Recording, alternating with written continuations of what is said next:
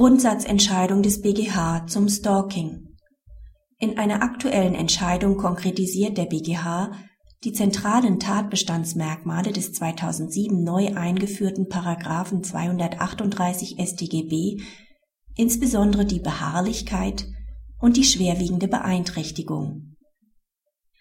Hinsichtlich des Merkmals der Beharrlichkeit stellt der dritte Strafsenat fest, dass hierfür wiederholtes Handeln allein nicht ausreicht. Eine wiederholte Begehung ist zwar eine notwendige, nicht aber eine hinreichende Voraussetzung. Hinzu kommen muss eine in der Vorgehensweise zum Ausdruck kommende besondere Hartnäckigkeit und eine gesteigerte Gleichgültigkeit des Täters gegenüber dem gesetzlichen Verbot, die die Absicht des Täters belegt, sich auch in Zukunft immer wieder entsprechend zu verhalten. Das Feststellen der Beharrlichkeit erfordert eine Gesamtwürdigung, bei der insbesondere auch der zeitliche Abstand zwischen den einzelnen Tathandlungen und deren innerer Zusammenhang berücksichtigt werden muss. Eine stets für die Beharrlichkeit erforderliche Mindestzahl von Angriffen lässt sich aber nicht festlegen.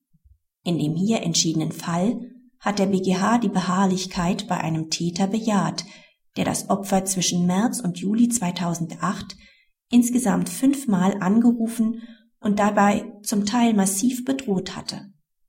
Paragraph 238 StGB wurde vom Gesetzgeber als Erfolgsdelikt ausgestaltet und erfordert beim Opfer den Eintritt einer schwerwiegenden Beeinträchtigung der Lebensgestaltung.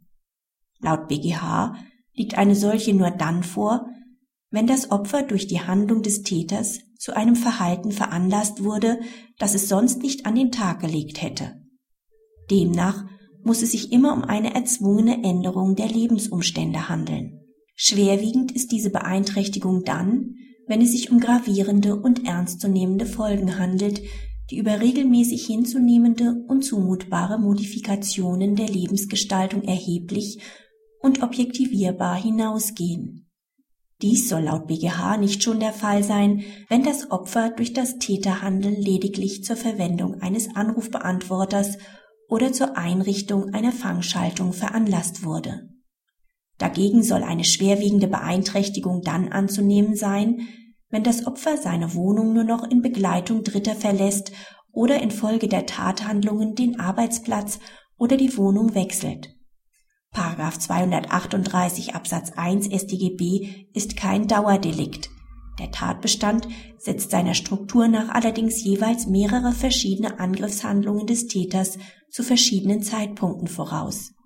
Diese führen jedoch zusammen den tatbestandlichen Erfolg nur einmal herbei und sind daher regelmäßig als tatbestandliche Handlungseinheit zu bewerten, wenn zwischen ihnen ein ausreichender zeitlicher und räumlicher Zusammenhang besteht und sie von einem einheitlichen Willen des Täters getragen werden.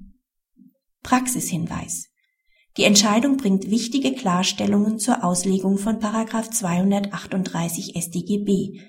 Wichtig ist dabei, dass laut BGH im Einzelfall Beharrlichkeit auch dann zu bejahen sein kann, wenn insgesamt weniger als fünf einzelne Tathandlungen vorliegen. Offen bleibt aber immer noch unter anderem die Frage, ob die Alternative in 238 Absatz 1 Nummer 5 StGB andere vergleichbare Handlung dem Bestimmtheitsgebot genügt